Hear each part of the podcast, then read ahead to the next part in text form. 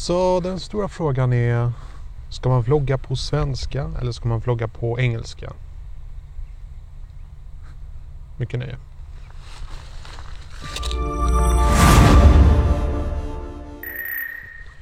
Hej, mitt namn är Tommy och det här är hur man bemästrar social media idag.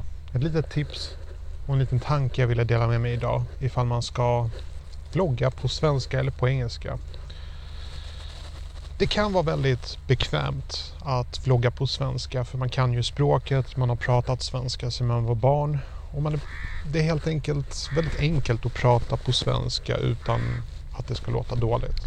Förvisso, du kan ju alltid börja prata svenska i dina videon och precis som jag gör. Men du får ju ha i åtanke att Pewdiepie hade aldrig haft 60 miljoner följare om man hade vloggat på svenska.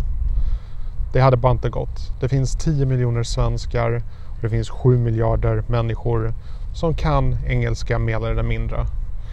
Så det finns fördelar med svenska, visst. Du kan språket. Det är mycket lättare att hitta alla orden för du har ju tränat hela ditt liv på att prata svenska.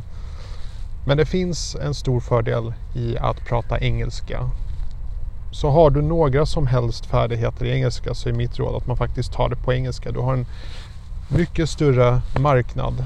Men det är fortfarande viktigt att nischa sig. Så att uh, ha i åtanke att till exempel ska du vlogga om teknik på engelska, då har du väldigt många konkurrenter. Börjar du på svenska har du mycket mindre konkurrenter. Och det är det som är hela grejen. Varför jag till exempel gör den här kanalen på svenska. Mest för att jag ser att det finns ett stort behov av någon som motiverar människor till att bli digitala entreprenörer, till att bli YouTubers och så vidare. Och jag ser helt enkelt inte allt för många som gör det. Och det är det som är mitt mål. Så jag ser liksom min nisch och det är just på svenska, inte på engelska. Är du ute efter någon som kan motivera dig på engelska så finns det bra mycket bättre människor än mig. Till exempel Gary Vee, bara för att nämna en person. Men just svenskar, vi är allmänt väldigt dåliga på att göra just det jag gör nu. Det vill säga hålla en mobiltelefon på en allmän plats och bara prata. Vi är otroligt dåliga på den här biten. Det är bara ungdomar som gör det. Inte alls många vuxna. Och det är någonting jag har som mål att förändra. Men jag ska säga det med handen på hjärtat. Vill du nå ut så är det verkligen engelska som gäller. Jag har flera kanaler där jag vloggar på engelska och det är mycket lättare att hitta människor som följer dig och tittar på dina videon när du kör på engelska.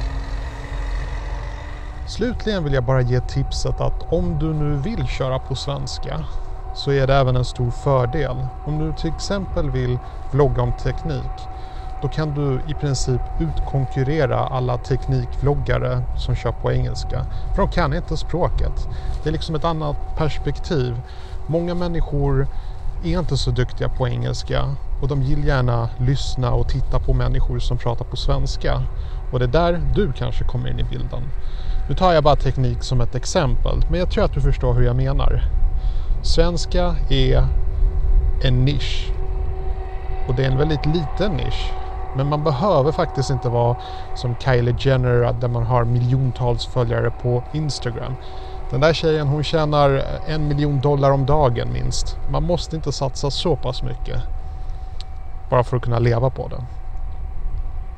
Det var allt jag hade för idag.